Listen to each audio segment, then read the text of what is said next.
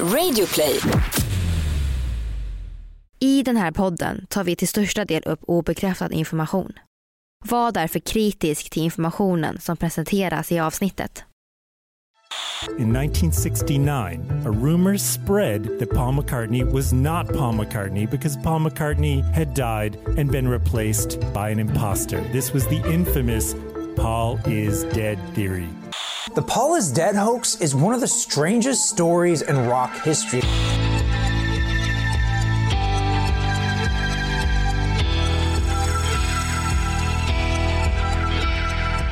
Ni lyssnar på konspirationsteorier, en podcast med Vivi och Aida. Och det här är en annan sida av historien om The Beatles och bandmedlemmen Paul McCartney som kanske dog i en bilkrasch år 1966 eller 67.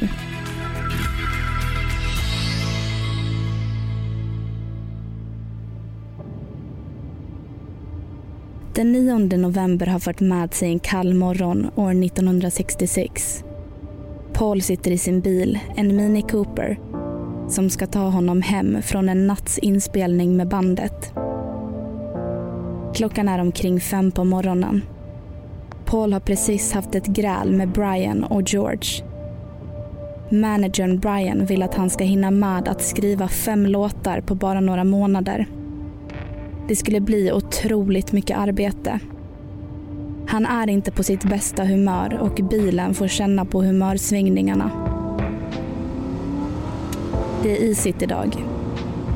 Motorvägen M1 som går mellan London och Weatherby i West Yorkshire susar förbi utanför fönstret och han känner nästan kylan utanför rutan ända in i den varma bilen. Plötsligt slirar bilen till. Vägen framför bilen är fylld av isfläckar och inte den lättaste att ta sig fram på. Bilen går inte att kontrollera. Däcken fattar inte fäste om vägen och ratten lyder inte händerna som så hårt håller i den.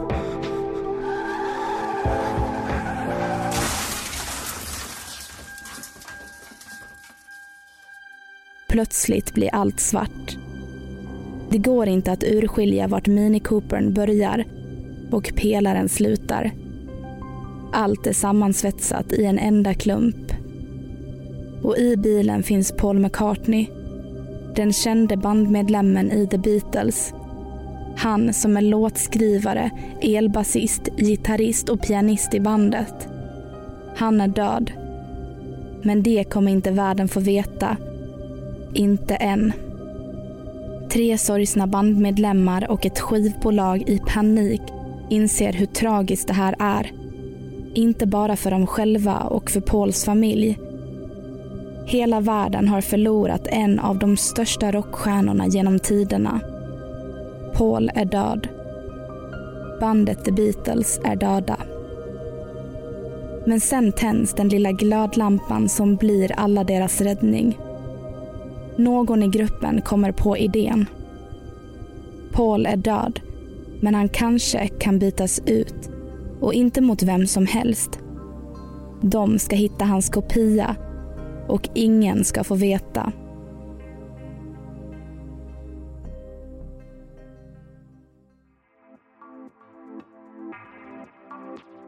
Men dog Paul McCartney år 1966 byttes han ut i The Beatles?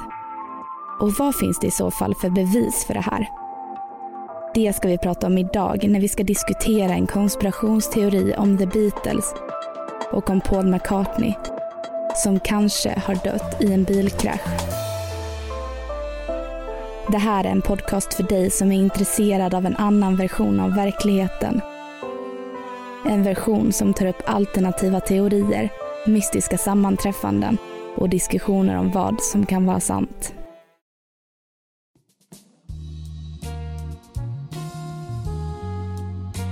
Vi börjar från början. Det var i slutet av 50-talet i Liverpool som John Lennon träffade på Paul McCartney under en spelning. De två unga killarna blev direkt bra vänner och började skriva musik tillsammans.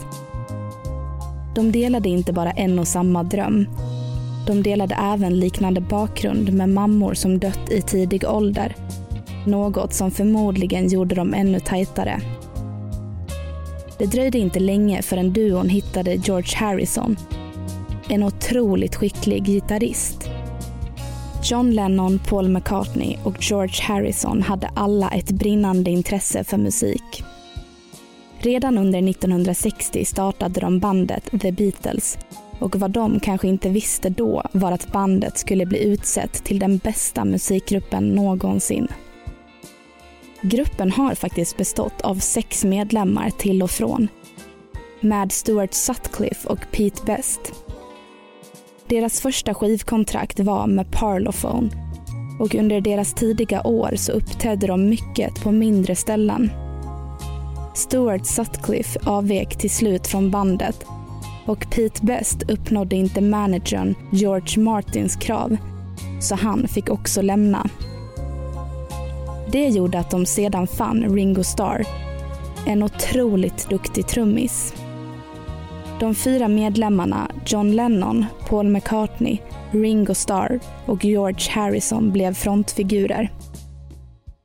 Lennon som kompositör och sångare. McCartney som låtskrivare, elbasist, gitarrist och pianist. Starr på trummor och Harrison på sologitarr. The Beatles inledde nu sina stjärnår.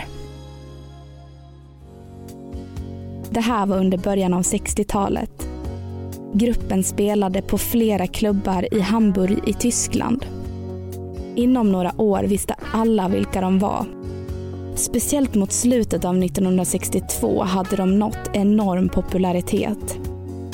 De var bandet på allas läppar och låtarna var magiska i allas öron. Den ena musikaliska succén efter den andra i kända album som Rubber Soul, Abbey Road och Revolver. Efter återkomsten från deras period i Tyskland började ett nytt fenomen sprida sig i Storbritannien. Beatlemania, som helt enkelt var ett begrepp på deras otroligt stora skara fans och den hysteri som uppkom kring bandet. De gjorde ett genombrott med singeln Please Please Me och sedan följde det konserter, olika intervjuer och turnéer nonstop.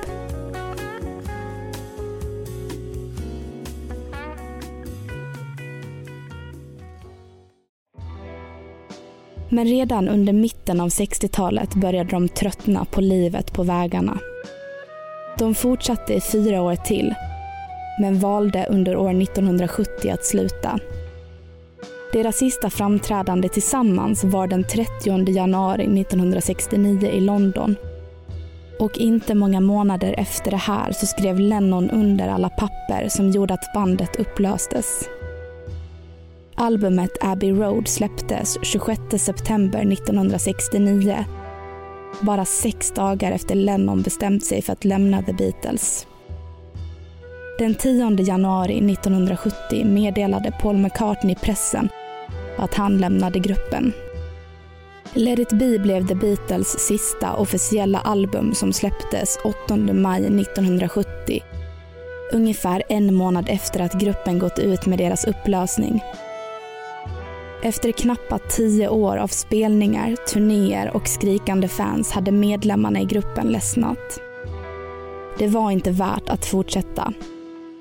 Turnéerna var krävande de hade bekantat sig med droger och levde slitsamt.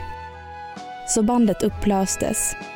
Och trots den kortvariga tiden som de spelade tillsammans så har deras namn levt kvar. År 1980 fick världen ett sorgligt besked. John Lennon, bandets kompositör och sångare, hade blivit skjuten och mördad, bara 40 år gammal. Världen bara stannade upp Lennon var en av tidernas största profiler inom musik och speciellt inom rock. Han var en stor förebild inom musikbranschen. Ytterligare en av världens stora musikgenier hade försvunnit. George Harrison, bara 58 år gammal, hade dött av lungcancer. Och även den andra medlemmen ur The Beatles. Så nu sägs det att det bara finns två bandmedlemmar från The Beatles kvar. Ringo Starr och Paul McCartney? Eller kan det vara så att han dog långt innan både Lennon och Harrison i en bilolycka på 60-talet? Det här ska vi kolla vidare på nu.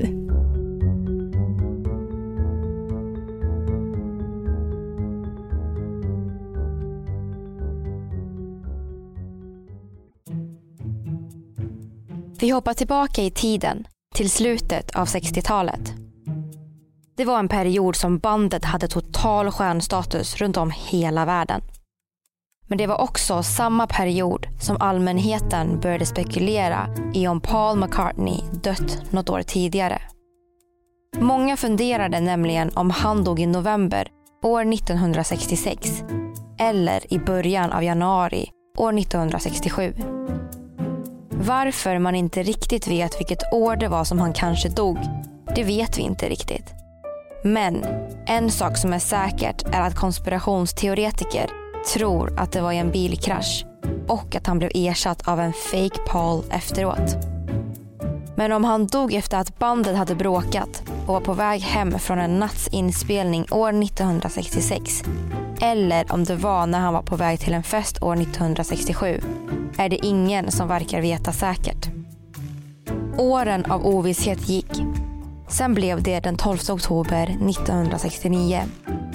Det var kväll och programledaren Ross Gibb på radiostationen WKNR FM fick in ett konstigt samtal till radion. Det var sent på natten och lyssnaren hade en fundering. Tom, som lyssnaren hette, sa att Paul McCartney var död och att han hade ett sätt att bevisa det på. Radioprataren Ross Gibb blev genast intresserad och lyssnade på vad Tom hade att säga. Tom bad Gibb att sätta på låtar från The White Album med The Beatles. I och med att han inte hade något annat för sig så gjorde han som han blev tillsagd. Men det var en sak som gjorde det hela intressant, enligt Gibbs. Han skulle sätta på albumet baklänges. Och det han hörde var otroligt spännande. Låt efter låt som han spelade baklänges innehöll en hel drös med dolda meddelanden. Flera intressanta meningar, dolda från allmänheten. Kanske mest tydligt var låten Revolution 9 som framlänges låter så här. Number 9, number 9, number 9, number 9, number 9, number 9, number 9, number 9, number nine. Och baklänges så här.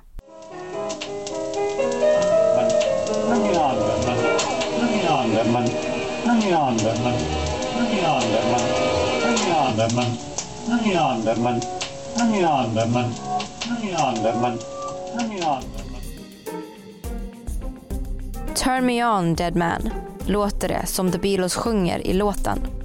Och det var inte bara lyssnaren Tom och programledaren Ross Gibb som tyckte det. Andra reagerade också på låten Revolution 9. Två dagar senare skrev musikern Fred Labor en parodiartikel. Han hade hört radioprogrammet med Ross Gibb och döpte artikeln till McCartney Dead, New Evidence Brought to Light.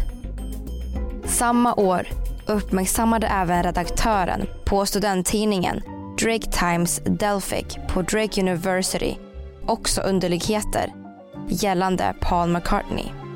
Det ledde till att tidningen publicerade artikeln Is Beatle Paul McCartney Dead? som handlade om låten Revolution 9 och den mystiska döden på en av bandmedlemmarna. Flera radiostationer snappade därefter upp konspirationsteorin. The Beatles PR-byrå förnekade givetvis allt.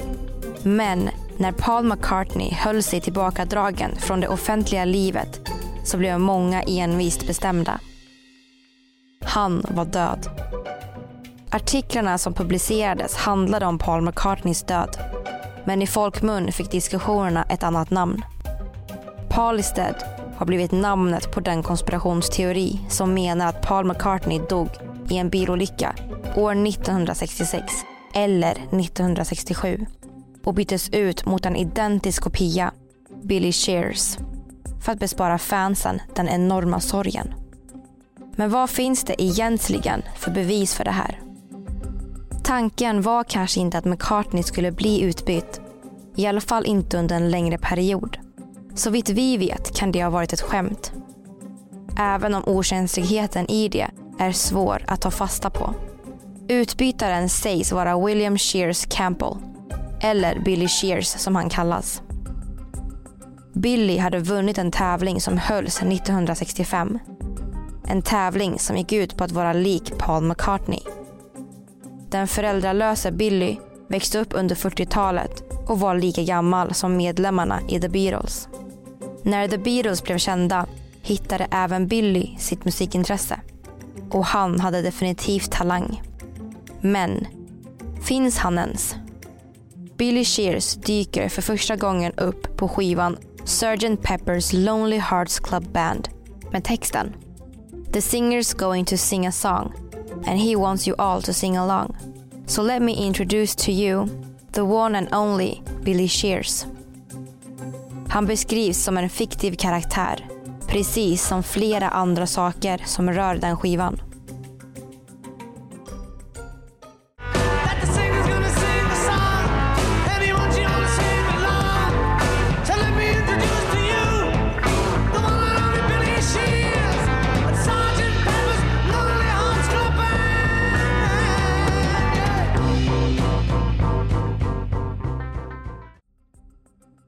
Det är på det här och flera andra omslag vi kan hitta en hel del bevis för den här konspirationsteorin. Så för att underlätta lyssnandet kan ni som vill titta på alla bilder. De kan ni hitta på vår Facebook-sida konspirationsteorier och på vår Instagram världens konspirationsteorier. På omslaget till skivan Sgt. Pepper's Lonely Hearts Club Band kan vi se en massa människor. Och enligt designen ska det föreställa The Beatles som precis uppträtt i en park och tar ett gruppfoto med en massa fans. I mitten kan vi se bandet i färgglada uniformer och snett från vänster sida är Paul McCartney, den tredje killen, i klarblåa kläder. Men konspirationsteoretiker trodde något annat. Det ser nämligen ut som att bilden skulle kunna vara tagen från en begravning. The Beatles var ganska skämtsamma och det kunde mycket väl vara sant att de valde att göra ett skivomslag efter en sådan tragedi. Många trodde, och tror än idag, att bilden föreställde en begravning. Och inte vilken som helst. Det var Pauls. Och att Paul har på sig ett märke på sin jacka på omslaget, OPD, gör inte saken bättre. Det skulle kunna stå för officially pronounced dead. Man letade efter ledtrådar och många fanns det. Paul McCartney thought this theory was amusing. His official statement was, If I were dead, I'd be the last to know. However, crazed Beatles fans kept looking for clues. They found many of them on the cover of Sgt. Pepper's Lonely Hearts Club Band. Supposedly, the front cover depicted a funeral. Paul, on the cover, is wearing a patch that says OPD, which stood for officially pronounced dead. Albumet släpptes 1967. Antingen samma år som Pauls påstådda död eller ett år efter.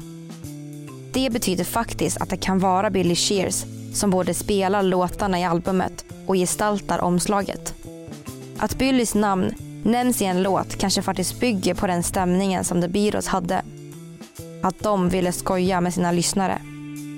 Att ha med Billy Shears förklädd som Paul McCartney på en skiva där omslaget är Pauls egna begravning är kanske så absurt att ingen skulle ta det på allvar.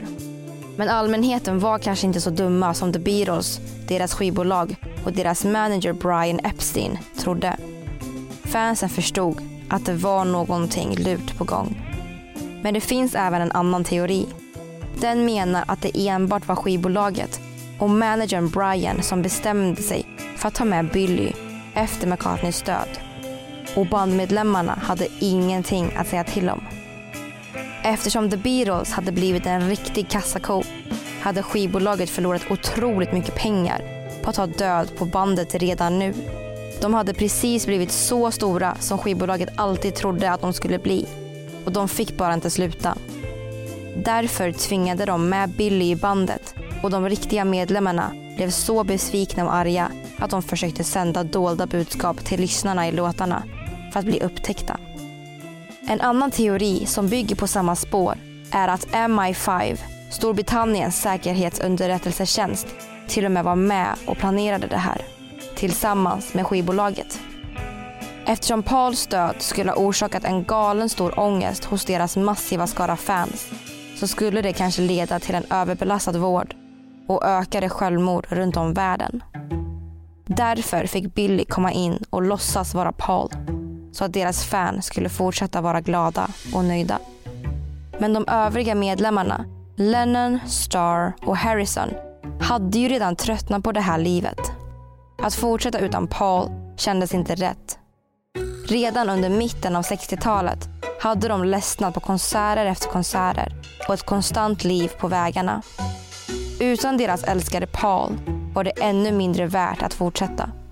Kan det vara här, efter att Paul dog, som de bestämde sig för att avsluta bandet och gå skilda vägar?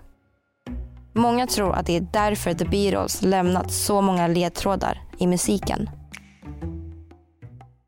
People believe that after Paul died, his manager Brian Epstein hired Billy Shears for a week or two just as a temporary replacement, just kind of see how it goes. But apparently, he was damn good. He was just as good as Paul McCartney. He could play better than him, in fact. And it was a new and improved fall. And society didn't seem to notice, so why not just keep him in action? It's like Paul never died. In fact, we got a better fall. Det fanns fler ledtrådar i albumet Sgt. Pepper's Lonely Hearts Club Band som gjorde att konspirationsteoretiker bara blev mer och mer övertygade. Ovanför McCartneys huvud kan vi se en öppen hand som kanske symboliserar en välsignelse. Kanske för att symbolisera något om livet, döden och begravningen. I nedre hörnet kan vi se en docka. Bredvid den finns en blodig förarhandske något som kanske kan symbolisera kraschen.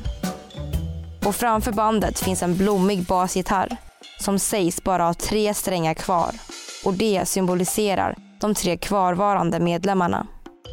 Men det var inte bara Sgt. Pepper's Lonely Hearts Club Band som det fanns ledtrådar. The Beatles hade gjort en film om sin musik och släppte albumet Magical Mystery Tour med filmmusiken. Och även detta album sägs innehålla en del dolda budskap på omslaget. Then there's the Magical Mystery Tour album. There is a walrus on the album. In, in some Aboriginal cultures, the black walrus apparently symbolizes death. And so fans believe that the black walrus is clearly being used to symbolize Paul's death. Sedan släpptes albumet Abbey Road som The Beatles släppte år 1969 som också hade olika ledtrådar till vad som hade hänt med Paul. På detta omslag kan vi tolka det som att de fyra medlemmarna är på väg över gatan mot en begravning. Lennon klädd i vitt ser ut som prästen. Star klädd i svart ser ut som en begravningsentreprenör. Harrison klädd i jeans och jeansjacka ser ut som en grävare. Och McCartney som går barfota i otakt med de andra och en cigg i höger hand trots att han är vänsterhänt kanske skulle kunna symbolisera liket. Bakom övergångsstället står en vit Volkswagen Beetle med nummerplåten 28IF. Eller som konspirationsteoretiker säger 28 if. För att McCartney skulle ha varit 28 år om han hade varit där. John Lennon, Ringo Starr och George Harrison kände Paul betydligt bättre än vad skivbolaget gjorde. Om deras fans bara förstod att Paul McCartney var vänsterhänt och inte skulle byta hand när han rökte kunde alla komma på att Billy Shears var en bluff. Så de fortsatte att sätta in dolda budskap. Låten Revolution 9 är kanske en av de mest kända baklängesmeddelanden som finns idag. Backmasking, eller baklängesmeddelanden, blev under 70-talet stort och flera musiker har medvetet lagt in meddelanden som enbart kan höras baklänges. Många menar att Revolution 9 har det dolda budskapet Turn Me On Dead Man vilket kommer från att spela textraden number 9 baklänges.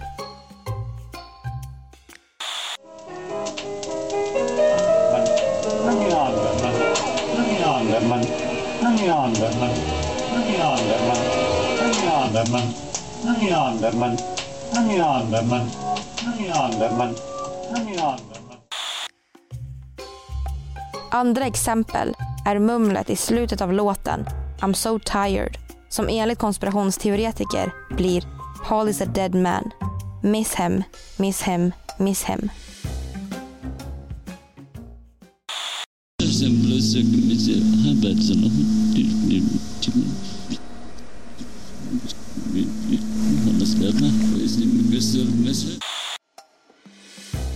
I låten Strawberry Fields Forever kan man även hitta meningen I buried Paul om man spelar den baklänges.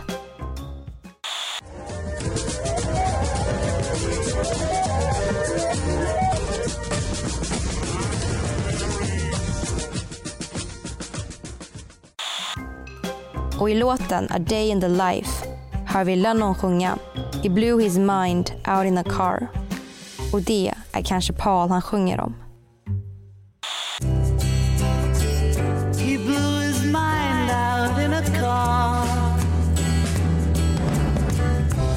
Didn't notice that the lights had changed. The Beatles var väldigt duktiga på att få in olika budskap i deras låtar. Och det kan ha gjort att bandet blev, och är än idag, det bästa genom tiderna. Men lyckades de få in budskapet att Paul är död? Kanske det. Men som Paul McCartney har sagt i intervjuer efter sin påstådda död. Om jag vore död är jag den sista som vet om det.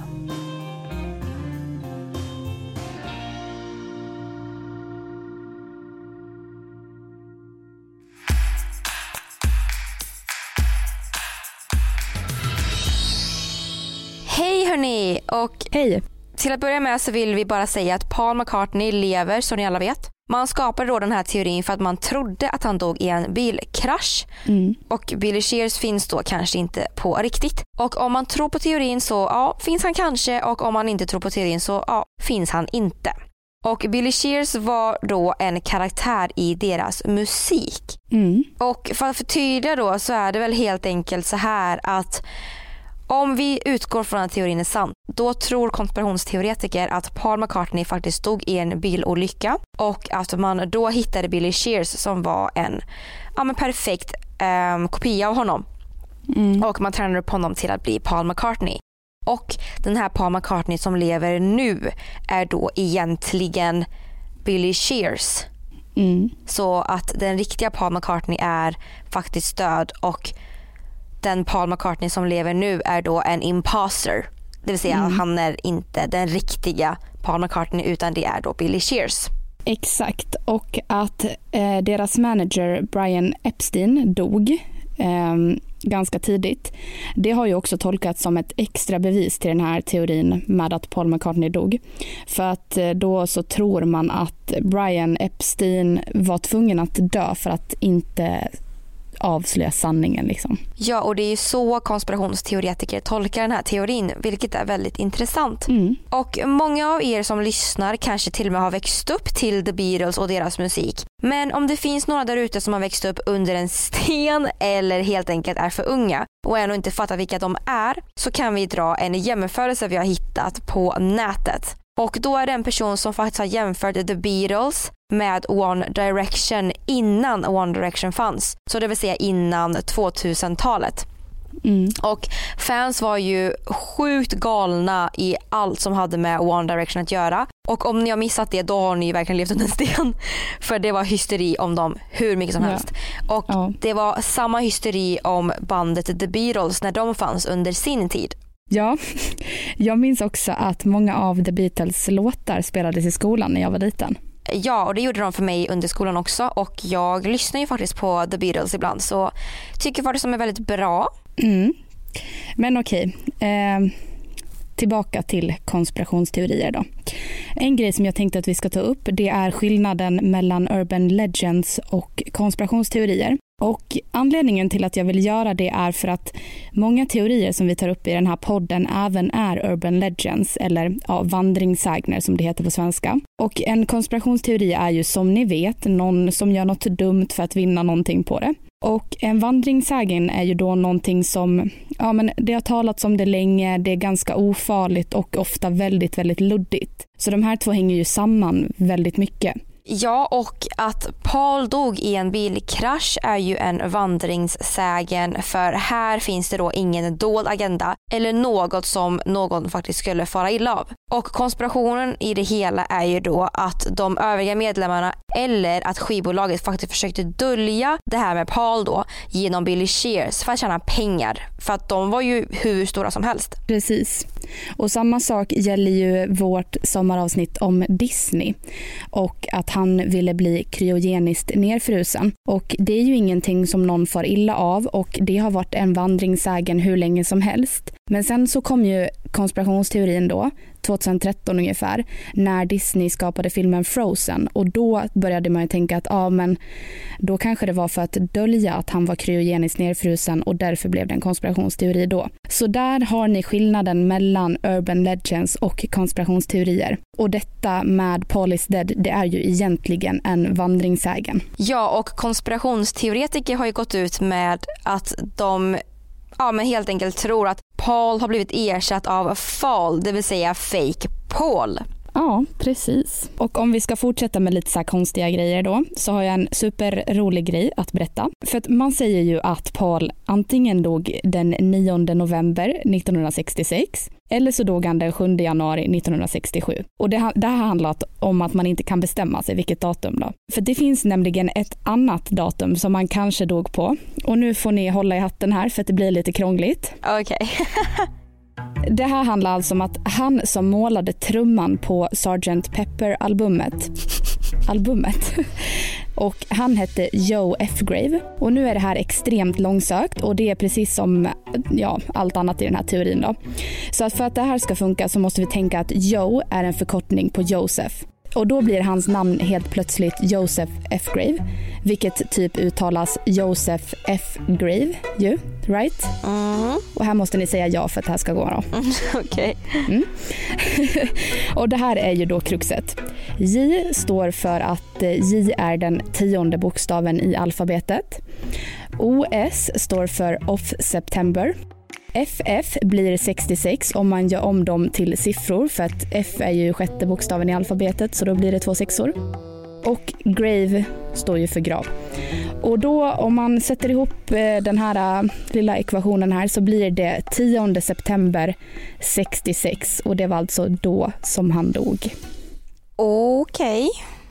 Ehm, det Ja. här var ju väldigt... ehm, så då tror alltså konspirationsteoretiker att han antingen dog den 9 november 66, den 10 september 66 eller den 7 januari 67.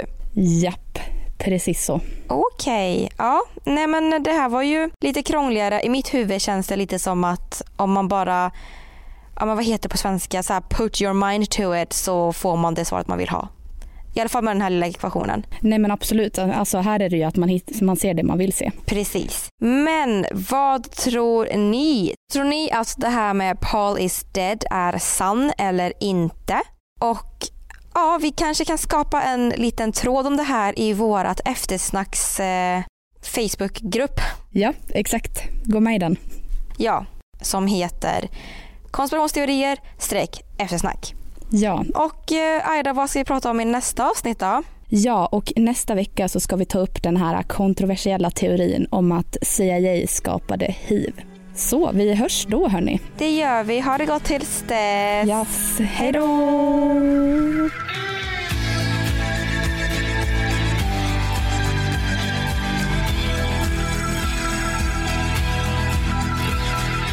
Ni har lyssnat på podden Konspirationsteorier som gjordes hösten 2019. Källorna till dagens avsnitt finns på Facebook. Vi som har gjort programmet heter Vivian Lee och Aida Engvall.